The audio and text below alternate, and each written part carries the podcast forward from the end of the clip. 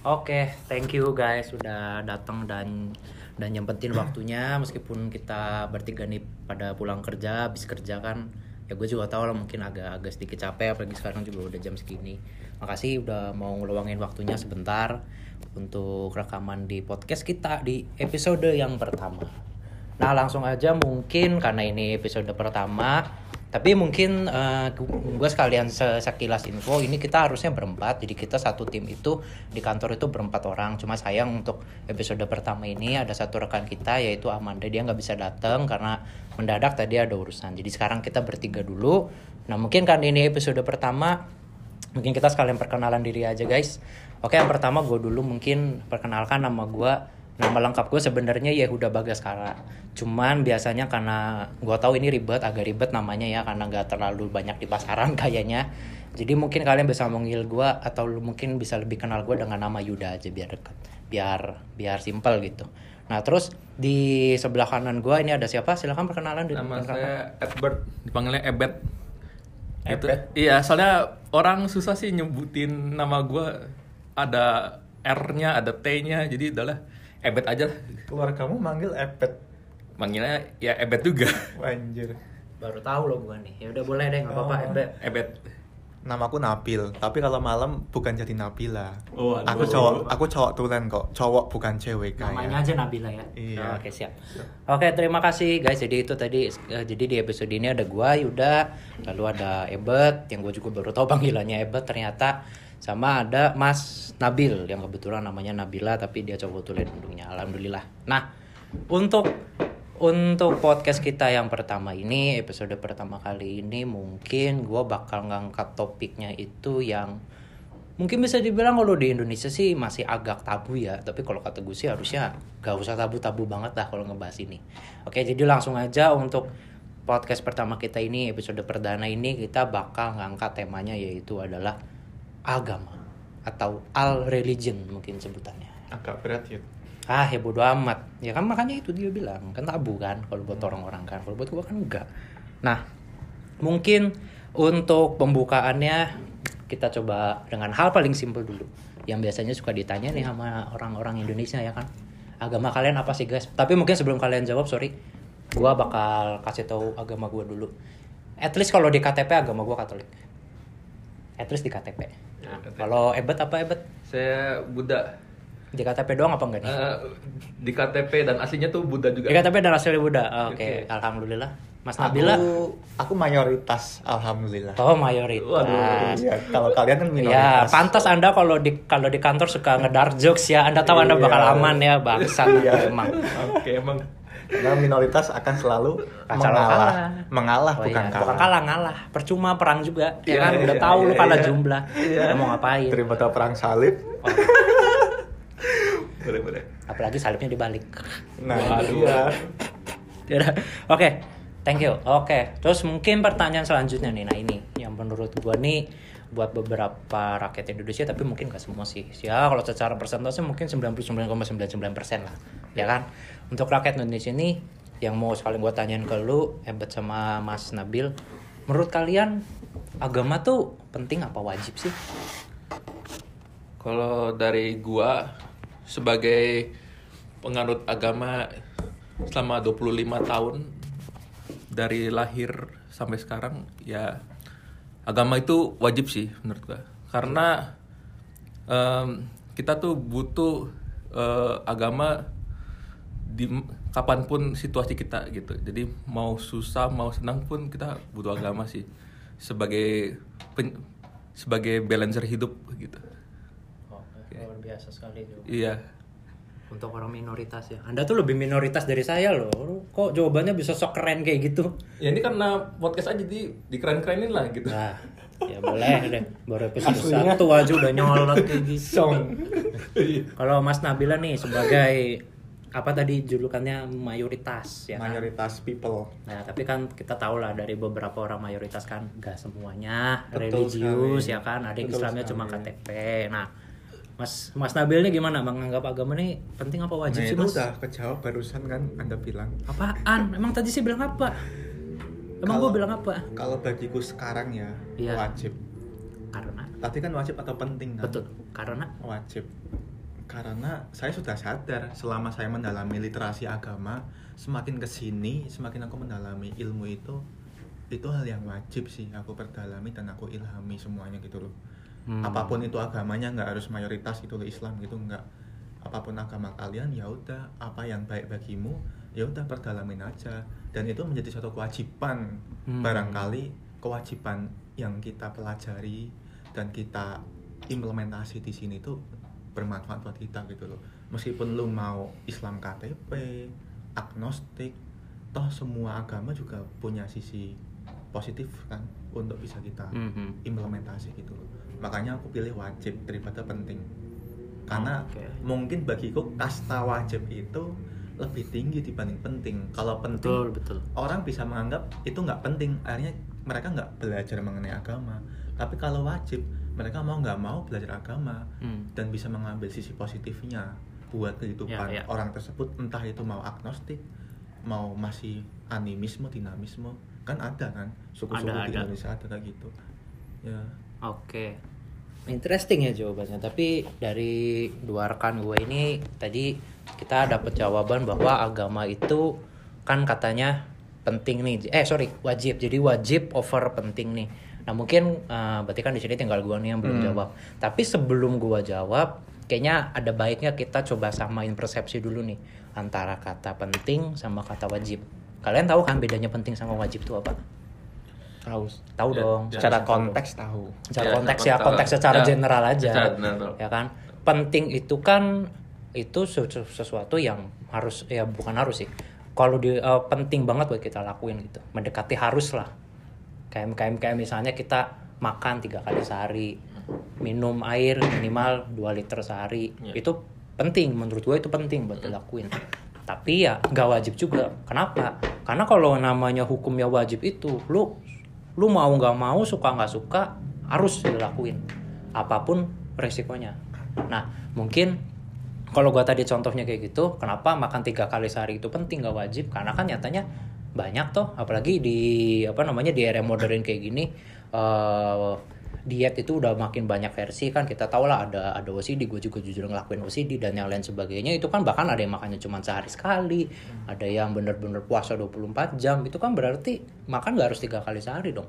Jadi menurut gua makan tuh makan tiga kali sehari jatuhnya bukan wajib tapi penting. Nah karena kita udah tahu konteksnya nih penting sama wajib nah coba kita balik lagi ke topik kita di episode kali ini yaitu agama. Nah tadi menurut kalian berdua wajib menurut Ebet sama menurut Mas Nabil agama itu wajib berarti nggak bisa enggak ya harus nih Iya. namanya orang beragama eh, orang hidup harus beragama karena gitu dong konteksnya wajib Iya. ini kita bahas konteks dulu nih ya. Iya konteks dulu. Nah kalau menurut gua pribadi orang beragama atau agamanya itu sendiri menurut gua itu penting bukan wajib. kenapa Kenapa? Karena gini. Gua mungkin di agama gua mungkin tadi di awal-awal gua udah bilang gua Katoliknya KTP. Kenapa? Ya gua nggak malu gua kat- eh, sorry gua gua nggak malu gua ngomong kalau Katolik gua itu Katolik KTP. Kenapa? Karena ini mungkin buat teman-teman yang belum tahu ya karena mungkin ini ilmu agama minoritas jadi belum banyak yang tahu. Kalau di agamanya gua di agama Katolik dan mungkin di agama Kristen Protestan juga ya gua ke- karena gue juga kurang tahu. Tapi yang pasti di agama gue itu di agama Katolik itu rata-rata orang nganggapnya itu nggak cuma lu wajib beragama atau lu eh, wajibnya itu bukan cuma lu punya tulisan agama Katolik di KTP, tapi lu wajib ngelakuin itu sehari-hari dalam kehidupan. Nah, yang paling sering jadi kayak template-nya di masyarakat atau warga-warga kita yang beragama Katolik sama kayak gue adalah lu harus sering ke ke gereja atau lu harus sering yang namanya beribadah ke gereja. Bahkan dulu ada yang pernah bilang ke gua yang namanya beribadah ke gereja tuh yut itu harus setiap hari. Nah, itu yang mau gua garis bawahin di sini. Ke gereja itu sendiri mungkin buat teman-teman mungkin kan teman-teman tahu lah gereja itu apa itu tempat ibadahnya umat Katolik kan tapi mungkin kan dari kalian belum ada yang pernah coba ibadah di sana lah jelas ya ngapain nah tapi gini kalau mungkin ngebom ada yang sudah Waduh. Bukan cuman ngebom yang yang yang ngelarang buka juga banyak. Tapi intinya Nah. gini. Tapi intinya gini guys, maksud gua. Kalau di agama gue itu banyak yang stereotipnya orang-orangnya yang beragama Katolik itu mengharuskan wajib ke gereja. Bahkan ada yang bilang kalau bisa tiap hari. Kenapa? Gue juga jujur nggak tahu ya, karena gue belum pernah jadi orang yang seperti mereka yang rajin ke gereja tiap hari. Tapi menurut pendapat gue sendiri adalah dari beberapa contoh yang gue lihat selama gue hidup karena beberapa orang yang agamanya sama kayak gue itu menganggap kalau lu semakin sering ke gereja artinya lu semakin dekat sama Tuhan artinya lu semakin menyerahkan dan mempasrahkan hidup lu dan semua yang terjadi di dalamnya apa pun itu mau itu percintaan mau itu karir mau itu segala macam itu semuanya ke tangan Tuhan dan Sorry. lu kalau ada apa-apa larinya ke Tuhan Sorry aku cut nih. Boleh, boleh. Tergantung orangnya, Yud. nah itu yang mau gue bahas Karena di Islam sendiri banyak orang yang sholat pikirannya porno ada, Nah, pikirannya ke sana sini ada. Nah, Makanya sealim alimnya orang cowok itu sholat, kalau pikirannya masih nggak jelas, ya akhlaknya juga pasti nggak jelas. Yang tadinya mau niatnya membantu, tapi ada pikiran lain. Ini cewek cakep juga nih gue bantuin. Nah. Nah, bisa jadi kayak gitu. itu gue setuju makanya tadi kenapa gue bilang di depan di depan agama itu jatuhnya penting bukan wajib kenapa ya karena tadi yang barusan lu jabarin mas orang beragama aja ini kita eh, regardless agamanya apa deh ya berarti kalau udah kayak gini agamanya apa pun gak, gak ngejamin hidupnya bakal dalam tanda kutip baik kan. Yang hidupnya dalam tanda kutip brengsek pun pasti ada banyak. Kalau gua ngomongin contoh di agama gua pun orang yang ngakunya ke gereja tiap hari yang ngakunya lebih rajin ke gereja daripada gua gua yakin yang hidupnya lebih dalam tanda kutip brengsek daripada gua juga banyak. Gua bisa kok sebutin satu-satu. Kalau misalnya kalian mau tahu nih dark side-nya mungkin ya bisa gue sebut. Dark side-nya dari kehidupan orang-orang yang eh, rajin atau mengklaim lah seenggaknya. Mengklaim diri mereka itu rajin beribadah rajin beribadah di gereja itu tuh banyak dark side-nya. Ini gue kasih tahu aja nih be- beberapa contohnya. Satu ada yang ke gereja itu cuman demi ketemu selingkuhannya. Ini gue kasih tahu banyak. Karena ini terjadi sendiri di circle lingkungannya gue pas di kampung halaman gue kemarin. Itu banyak. Banyak banget ada yang cuma ke gereja itu terkesannya kayak rajin kan. Terkesannya kayak dalam tanda kutip religius. Tapi apakah bener religius? Nyatanya nggak semua. Banyak juga yang ke gereja cuma pengen ketemu selingkuhannya dan literally terang-terangan mereka nunjukin itu. Buat orang yang mau buka mata ya. Terus yang kedua ada orang yang ke gereja. Nah, mungkin ini buat teman-teman yang belum tahu, buat hebat Pas Nabil sama mungkin eh, para pendengar kita juga yang belum tahu. Jadi di yang namanya di Katolik itu atau di gereja lah ya di di mana pun gereja ini mah gue yakin ada yang namanya persembahan.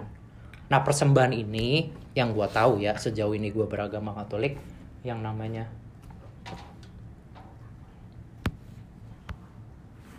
Nah, sejauh yang gue tahu di uh, di gereja di mana pun ya ini mah uh, uh, gue yakin gak cuman gereja agama Katolik doang, tapi yang yang Kristen Protestan juga ada yang namanya persembahan. Nah, persembahan itu itu adalah kayak ya bahasa kasarnya sih kayak petugas gerejanya atau si eh, penduduk-penduduk gerejanya itu yang bertugas di sana itu eh, kayak minta sumbangan lah ke orang-orang yang lagi beribadah di sana. Jadi misalnya contoh hari itu hari Minggu ada 100 orang yang lagi beribadah atau ikut misa bahasa bahasa di gerejanya ya yang ikut misa di hari Minggu itu ada 100 orang ya berarti akan dimintain 100 sumbangan tuh. Buat Nah, buat apanya? Itu setahu gua tuh kayak dibagi dua. Yang satu itu untuk memelihara si, si bangunan gerejanya itu sendiri. Kan yang namanya gereja kan bangunan kan harus dirawat dong. Operasional. Harus disapu, dipel, ya kan lu bayar satpamnya, lu bayar OB-nya dan segala macamnya. Tapi ada juga yang se, se- sepengetahuan gua nih ya, ada yang eh apa namanya digunakan juga untuk eh, ibaratnya kayak apa sih kayak eh, sosial gitu karena setahu gue dulu gini di di gerejanya gue di di lingkungan gerejanya gue dulu di kampung halaman itu ada yang kita sumbangin juga ke kalau waktu dulu kebetulan karena depannya musola ada yang kita sumbangin ke musola di depan itu untuk pembangunan musola tersebut. Nah itu sejauh yang gua tahu itu pakai duit sumbangan tuh. Nah ada yang jadi ini kalau gue balik lagi ke dark side-nya kehidupan orang-orang yang ngaku nggak atau mengklaim dirinya rajin ke gereja. Tadi yang pertama kan buat ketemu selingkuhannya. Yang kedua itu buat pamer gede-gedean yang namanya persembahan. Ini gue jujur eh, bilang dari pengalaman gue sendiri. Jadi gue pernah lagi pas ikutin satu misa di gereja hari Sabtu apa Minggu gue lupa. Terus kan gue ngasih sumbangan tuh, ya kan. Terus begitu si amplop atau si kotak sumbangannya itu muter ke orang sebelahnya gue, itu gue lihat eh, ini ini harusnya gue nggak boleh ngomongin nominal ya, tapi ini karena gue mau mau nyebutin contoh ya kan, jadi gue harus coba kasih nominal. Dan kebetulan orang sebelahnya gue itu ya seumuran lah sama gue lah, jadi masih kayak remaja-remaja gitu. karena remaja-remaja gitu ya kan tentunya kan belum punya duit banyak juga jadi se seinget gue nih si remaja itu dia ngasih 20 ribuan kalau gue nggak salah inget nih jadi dia ngeluarin satu lembar uang 20 ribuan ya kan? Habis itu kan kotak sumbangannya muter lagi ke orang sebelahnya. Jadi kita masih duduk satu baris bangku. Ada ada waktu itu tuh pokoknya kalau di bangku gereja gitu satu baris tuh bisa sampai 5 enam orang. Jadi kan ge- geser tuh si kotak sumbangannya. Begitu geser ke sebelahnya si remaja tadi itu ini harusnya sebenarnya gue nggak boleh ngomong nominal ya guys sekali lagi tapi karena ini gue mau ngasih contoh gue lihat sebelahnya si remaja itu itu ibu-ibu. Dan dari tampilannya ya kan dari benda-benda yang dia pakai mahal. gue jamin dia berduit. Waduh. ya pasti yang yang yang yang yang jauh lebih pasti mah pasti ber- lebih berduit lah daripada si remaja yang tadi. Ibu itu gue lihat. Dia tadinya ini gue nggak bohong nih kalau gue ngomongin nominal ya. Tadinya si ibu itu nyiapin selembar uang sepuluh ribu. Gue nggak bohong. Tapi begitu dia ngelihat remaja di sebelahnya dia masukinnya dua puluh ribu dia ganti jadi lima puluh ribuan bisa? itu literally dia langsung ganti begitu dilihat begitu dia lihat wah remaja sebelahku dua puluh ribu aku ganti lima puluh ribu jujur aku nggak tahu itu kenapa ya tapi mungkin dia nggak mau kalah dalam tanda kutip pahalanya nggak mau kalah kali emang sama si remaja ka- di sebelahnya emang kalau nyumbang harus diliatin ya di agamamu ya? harusnya enggak harusnya enggak kan di Islam Iya. juga harus harusnya memang harus enggak. ditutupin dari Betul. tangan kiri pun enggak boleh tahu Iya. betul iya. tapi cuman ya mungkin gini eh, waktu si waktu kejadian itu mungkin si ibu itu ya bahasanya gak sengaja lah mungkin sama kayak gua kan.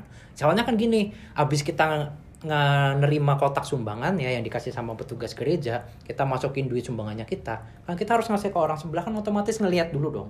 Pasti kan ngelihat ke arah dia tuh. Ya kan Iya. mungkin gak nggak sengaja kelihat kan. Hmm. mungkin si ibu itu juga gitu.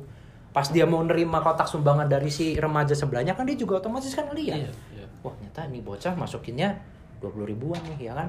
Dia langsung ganti tuh. Hmm, oke aku tahu. Udah Nah. nangkep nih. nah jadi yang pertama tadi dia sebenarnya ke gereja dia karena mau ketemu ketemu sama selingkuhannya dia. Nah yang kedua dia mau apa namanya gede-gedean uang sumbangan atau persembahan bahasanya kalau di gereja tuh. Sama yang ketiga mungkin ini yang ini, ini yang terakhir dulu deh soalnya sebenarnya kalau dijabarin ini bisa panjang banget tapi sejauh yang gue ingat ada orang yang ke gereja. Ini gue nggak ngerti ya cara nempatin ke bahasa lebih halusnya gimana. Tapi menurut gue adalah ada orang-orang yang rajin ke gereja itu demi kayak menutup kemunaf ke kemunafikannya dia. Atau menutup dosa-dosanya dia. Jadi mungkin dia sadar dia dosa, dia banyak dosa jadi dia balancein dengan rajin ke gereja itu kayak semua agama ada deh orang-orang kayak Iya. gitu mungkin gue sebutin contoh ya biar biar gua nggak biar gua nggak terdengar bullshit nah kebetulan contoh ini itu terjadi literally pas di keluarga gua bukan di keluarga besar lagi di keluarga inti gua sendiri jadi dari bokap gua nyokap gua waktu itu kebetulan karena mereka agamanya lumayan kenceng, lumayan kental. Mereka lumayan aktif juga di gereja. Jadi mereka nggak cuma jadi jemaat atau umat biasa yang datang tiap hari Minggu atau Sabtu, tapi mereka juga aktif. Ada yang aktif jadi yang tadi yang muter-muterin kotak persembahan, ada yang aktif jadi kur, kur itu kayak paduan suara di gerejanya, ada juga yang ikut yang macam-macam lah. Jadi pokoknya mereka itu orang gue nggak cuman jadi umat biasa, nggak cuma jadi pendatang biasa, tapi aktif juga di gereja. Jadi mungkin mereka ajaran agamanya lumayan kuat kan. Nah mereka berusaha menurunkan hal ya kita anggap itu hal baik deh. Kita eh orang tua gua berusaha menurunkan hal itu ke anak-anaknya. Ah mungkin ini eh, fun fact aja, sekedar info bahwa gua ini tiga bersaudara. Jadi tiga bersaudara gua anak paling kecil. Nah gua punya dua eh, ini koko. Nah jadi gua dan koko-koko gua itu berusaha diturunin ilmu itu, ilmu untuk rajin beribadah di gereja oleh orang tua gua dan kalian mau tahu cara apa yang ditempuh oleh orang tua gua itu adalah dengan yang namanya kekerasan jadi contoh salah satu contoh kecil deh salah satu contoh kecil jadi orang tua gua ini em, karena karena broken home jadi mereka tuh yang melatar belakangnya broken home adalah mereka eh, singkat cerita mereka sering ribut lah. Nanti kita bisa ngomong broken home di episode yang lain. Jadi mereka sering berantem. Nah mereka itu berantem setiap hari including hari Sabtu sama Minggu. Jadi yang sering terjadi adalah misalnya hari Minggu ada misa di gereja jam 9 itu dua manusia ribut dulu paginya Jadi dari bangun tidur misalnya mereka bangun tidur jam 5 apa jam 6. Mereka ribut dulu gede-gedean, teriak-teriakan, anjing-anjingan di rumah, didengar sama tiga anaknya yang masih kecil-kecil. Gue waktu itu kayaknya masih masih TK atau masih SD kelas 1 kelas 2 paling. Tapi gue udah ngedenger itu tiap hari. Nah, ketika mereka berantem dan sampai anjing-anjingan di rumah bentak-bentakan kedengeran sama tiga anaknya yang masih kecil, itu pagi sebelum berangkat misa ke gereja. Kemudian misalnya anggaplah mereka bangun tidur jam 6, berarti mereka bentak-bentakan jam 6. Sampai jam 8 apa setengah 9, mereka udah selesai mandi. Terus kita berangkat ke gereja nih berlima. Nah, ketika berlima, karena berlima kan mau ngomong kan harus naik mobil. Nah, ketika di mobil, mereka pun melanjutin berantem itu tuh dilanjutin. Jadi di jadi di mobil pun mereka tetap bentak-bentakan dan anjing-anjingan. Tapi kalian mau tahu apa yang mereka lakuin begitu sampai di gereja? Hening, guys. Mereka semuanya berlutut. Kalau di ini Katolik kan ada yang bentuk tanda salib, ada yang ngelipet tangannya di depan dagu, di depan kepala. Terus jadi mereka selama di gereja yang lebih kurang durasinya adalah satu setengah sampai dua jam, mereka hening guys. Gak ada tuh kebun binatang yang keluar selama satu setengah jam sampai dua jam di gereja itu. Begitu pulang, begitu keluar dari lingkungan gereja, par ke parkiran, masuk ke mobil mau mau mau pulang ke rumah. Kalian mau tahu apa yang terjadi? Dilanjutin lagi anjing-anjingannya sampai Gila. di rumah, sampai malam. Kalau kalau gue inget ya mungkin karena waktu itu gue masih kecil, ya gue nggak bisa ngapa-ngapain juga waktu itu. Tapi kalau gue yang sekarang gue inget lagi kejadian waktu itu, bahasa lebih halus apa sih yang bisa kita bilang untuk orang-orang kayak gitu selain munafik? Lu sebelum berangkat ke gereja, even literally lagi di mobil lagi menuju ke gerejanya pun, lu di depan tiga anak lu yang masih bisa dibilang di bawah umur, umur 10 aja belum nyampe tiga-tiganya, lu udah berani anjing-anjingan di depan kita. Even di parkiran gerejanya pun masih. Tapi kenapa lu di, di, di dalam gerejanya lu nggak lanjutin? Munafik lu berdua. Pas-pas pulang dilanjutin lagi. Kenapa? Apa kalian lebih menurut kalian lebih apa ya? Lebih etis dan lebih elok untuk mempertontonkan itu di depan anak-anaknya kalian daripada di depan Tuhan dan di depan jemaat-jemaat lain? Bullshit man kalau menurut gua mah. Kalau mau kayak gitu lu tampilin di mana aja dong. Tunjukin ke gua kalau lu memang benci satu sama lain di gereja juga tunjukin dong. Jangan di gereja diem aja. Apa karena ini rumah Tuhan jadi kalian diem aja? Setahu setahu aku Yud ya, sorry aku motong. Boleh silahkan. Setahu tuh itu kayaknya penyakit turunan dari keluarga sebelumnya sih. Mungkin kakek nenek atau ibu bapak dari orang, orang tuamu itu punya budaya yang toksik juga kayak gitu. Akhirnya nurun di versi bapakmu, Oh, versi iya. ibumu akhirnya menurun. Itu setauku dari penglihatan lingkunganku sekitar.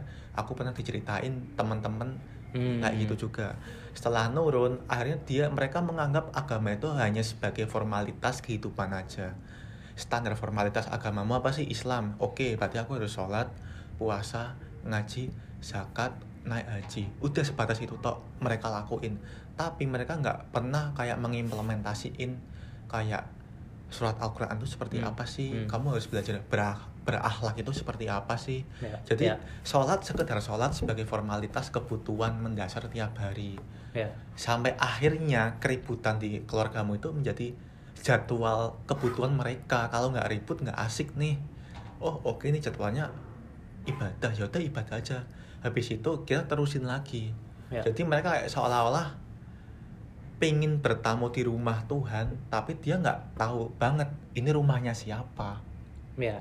itu loh karena Betul, betul. dia juga nggak mau tahu nah nggak mau taunya itu ya mungkin diturunin dari keluarganya mereka sebelumnya kayak sifat cuek sifat bodoh amat sifat ngapain berbuat baik sama semua orang urus aja sendiri akhirnya ketika dia bertamu di rumah Tuhan Mm-mm. Dia cuek seolah cuek. Nggak mau menganggap Tuhan tuh siapa sih? Aku harus belajar apa sih dari Tuhan? Misalkan sorry dari Yesus atau dari siapa Bunda Maria. Apa yang Iya, harus iya. aku ilhami? Ya udah setelah mereka cuek atau butuh amat dia kembali ke lingkungannya sendiri. Dia cuek juga sama anak. Yang penting kebutuhanku terlampiaskan. Iya. mau ribut mau bentrok. Nah itu yang jadi faktor anak menganggap agama itu hal yang something different dari agama yang sesungguhnya yang ngebentuk kamu nyampe sekarang tuh jadi apa? Dan itu jadi problem buat kamu. Hmm. mungkin kamu harus banyak belajar buat ngedrok ngedoktrin dirimu sendiri untuk berubah mencari celah framework apa sih yang sesungguhnya itu benar agama Kristen atau Katolik ajarkan buat aku. Jangan sampai lu nyampe menganggap agama tuh kayak orang tuaku kayak gini kok percuma gue beribadah. Nah itu jangan sampai kayak gitu. Hmm, kalau iya, lu iya. masih kayak gitu sama aja orang tuamu berhasil nurunin budaya toksik ke kamu. Itu Hmm, harus iya, garis paham. bawah itu. Dan lu nggak harus nunggu dapat jodoh dapat anak buat berubah itu. Hmm. malam ini pun kamu bisa belajar. Kamu mungkin bisa baca Alkitab. Apa sih kesalahan orang tuaku dulu? Oh mungkin aku harus mengenal Tuhan lebih banyak mengenal agamaku lebih banyak. Even aku nggak hatiku nggak terima tapi itu yang harus suatu fakta yang harus dipatahin terima nggak terima inilah kehidupan. Hmm. ketika kamu udah memasukkan agama di kehidupan kamu. Sama halnya kayak kamu menikah berarti kan memasuki memasukkan istri Iya. seorang dari luar ke rumah. Berarti kan kamu harus beradaptasi sama orang tersebut. Ketika kamu memasukkan Tuhan di dalam kehidupan kita ya kamu harus berkolaborasi dengan agama. Jangan sampai kamu berkolaborasi menganggap agama itu untuk formalitas untuk KTP doang untuk standar kebutuhan hidup tapi dirimu sendiri masih denial dan masih menolak.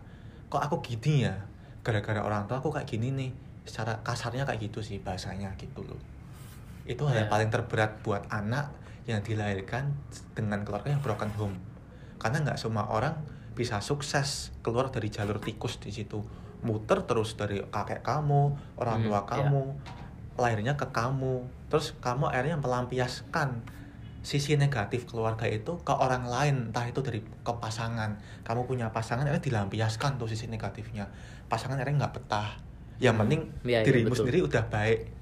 Iya. dan kamu secara secara halus secara nggak sengaja denial terus.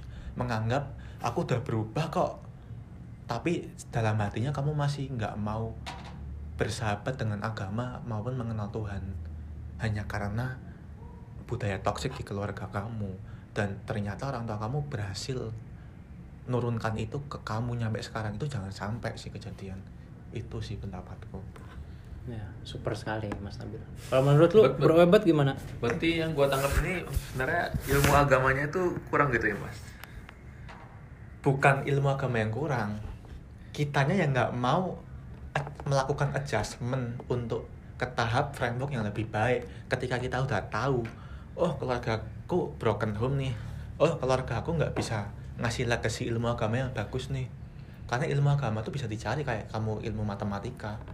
Kalau kamu udah malas sama matematika tapi kerjaanmu sama matematika mau nggak mau kamu harus belajar kan? Iya betul. Nah itu dia. Terus ketika kamu menghadap ke bos Bos itu Tuhan kamu.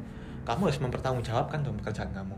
Iya iya. Nah jangan sampai kejadian ketika kamu udah ma- masuk kitab agama Kamu malas mempelajari ilmu agama Akhirnya ketika kamu ketemu sama bos Lu nggak punya apa-apa di hadapan dia Sama aja bohong Secara nggak sengaja kamu udah ngebentuk kehidupan formalitas yang biasa aja di mata Tuhan Sampai Tuhan nggak mau menganggap kamu Oh iya iya. Kamu aja nggak mau menganggap Tuhan Iya sih. muncullah pemikiran kayak agnostik, animisme, dinamisme. Eh. itu setauku ya. Make sense sih make sense. Iya. Cuma yang kalau aku tangkap sih sebenarnya untuk eh, orang tua bisa bisa sampai segitunya, bisa sampai dia anjing-anjing atau begitu ya. Kalau gue tangkapnya sih emang dia eh, dari karma buruknya sih. Jadi dari dari sisi pandangku ya. Jadi kalau misalkan orang tua itu dia eh, kehidupannya tuh eh, buruk gitu. Jadi eh, buruk itu dalam artinya tuh di depan orang tuh bagus, tapi di ke sesama keluarganya tuh jelek tuh itu tur- turunan dari karma buruknya sih. Jadi nggak jauh-jauh dari pendahulunya dulu itu. Artinya dia belum terbebas dari karma buruk dari eh, nenek moyangnya itu. Makanya kalau di agamaku untuk menghindari eh, sifat buruk ataupun cerminan eh, yang buruk itu mereka harus bikin karma baik gitu. Nah, karma baik ini bisa dibentuknya dengan eh, melakukan yang sebaliknya gitu. Jadi eh, seperti yang kayak lu bilang, jadi eh, kita tuh harus bisa lepas dari sifat-sifat jelek itu. Jadi dengan cara eh, melakukan hal-hal yang eh, bikin karma baik tuh seperti eh, melakukan apa ya didikan anak yang lebih bagus gitu. Jadi tau lah maksudnya kok gua nih punya karma buruk yang sifatnya jelek tapi ya jangan sampai lah ke anak gua. Ya udah gua harusnya bikin yang lebih bagus gitu. Ya kira-kira gitu ya tanggapannya.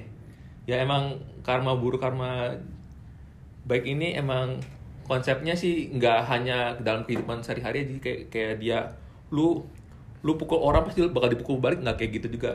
Ini tuh berlaku juga dalam eh, sifat orang tua ke anak gitu ataupun sifat orang tua dari pendahulu pendahulunya gitu. Makanya namanya karma buruk sih emang nggak bakal bisa lepas sih kecuali dia eh, ilmu agamanya lebih baik dan doanya eh, itu sih doanya juga harus lebih bagus sih. Intinya seorang seperti Yuda harus berubah dari diri sendiri sendirinya. Ya kira-kira begitu. Intinya sih nggak jauh-jauh beda sih. Untuk mengubah rotasi pandangannya itu mengenai agama itu ya itu bukan masalah penting sama wajib. Iya. tapi masalah kita tuh mau jadi apa Iya, nanti? di hadapan betul, Tuhan, kira-kira. di hadapan keluarga kita. Ah. itu sih.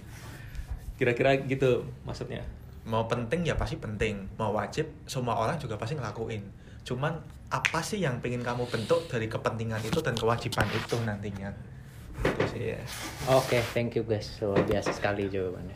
Berarti bisa gue simpulin kalau berdasarkan cerita kalian tadi dan jawaban kalian tadi, berarti kalau pakai contoh gue tadi, berarti kenapa orang tua gue ya udah let's say bahasa halusnya ngambil cara yang salah lah ya buat nurunin ilmu agama itu ke anak-anaknya, karena ternyata merekanya sendiri masih ada luka batin atau ada dendam lah ya bisa Iya. dibilang yang belum disembuhkan atau belum belum diselesaikan dengan mungkin orang tuanya mereka masing-masing. Iya. Jadi mereka masih bawa itu habit jelek atau toxic jelek itu ke anak-anaknya mereka. Iya. Oke, mungkin itu kita bisa bahas seru di episode-episode yang akan datang. Berarti kalau kita balik ke topik kita pada hari ini, yaitu agama, penting atau wajib? Berarti kalau oh, sorry tadi ma- jawaban gue jadinya eh, ke mana-mana larinya, tapi intinya kalau buat gue adalah tetap agama itu penting dan gak wajib. Kenapa? Karena mungkin tadi ada juga beberapa contoh yang belum gue sebutin bahwa selama gue 26 tahun hidup di dunia ini, gue juga banyak kok ketemu sama orang yang agamanya beda sama gue. Ada juga yang agamanya ya sama jeleknya lah sama gue lah. Tapi mereka se sehari-harinya baik gitu. Dan gue tau mereka orang baik. Contohnya mungkin gak usah jauh-jauh deh. Koko-koko gue sendiri di mereka berdua itu agamanya jauh lebih parah daripada gua. Gua nih gini-gini gua masih ada berdoanya loh. Kadang-kadang kalau malam apa pagi misalnya gua lagi niat doa ya udah gua doa deh. Tapi kalau mereka berdua, gua yakin mereka nggak ada doanya sama sekali.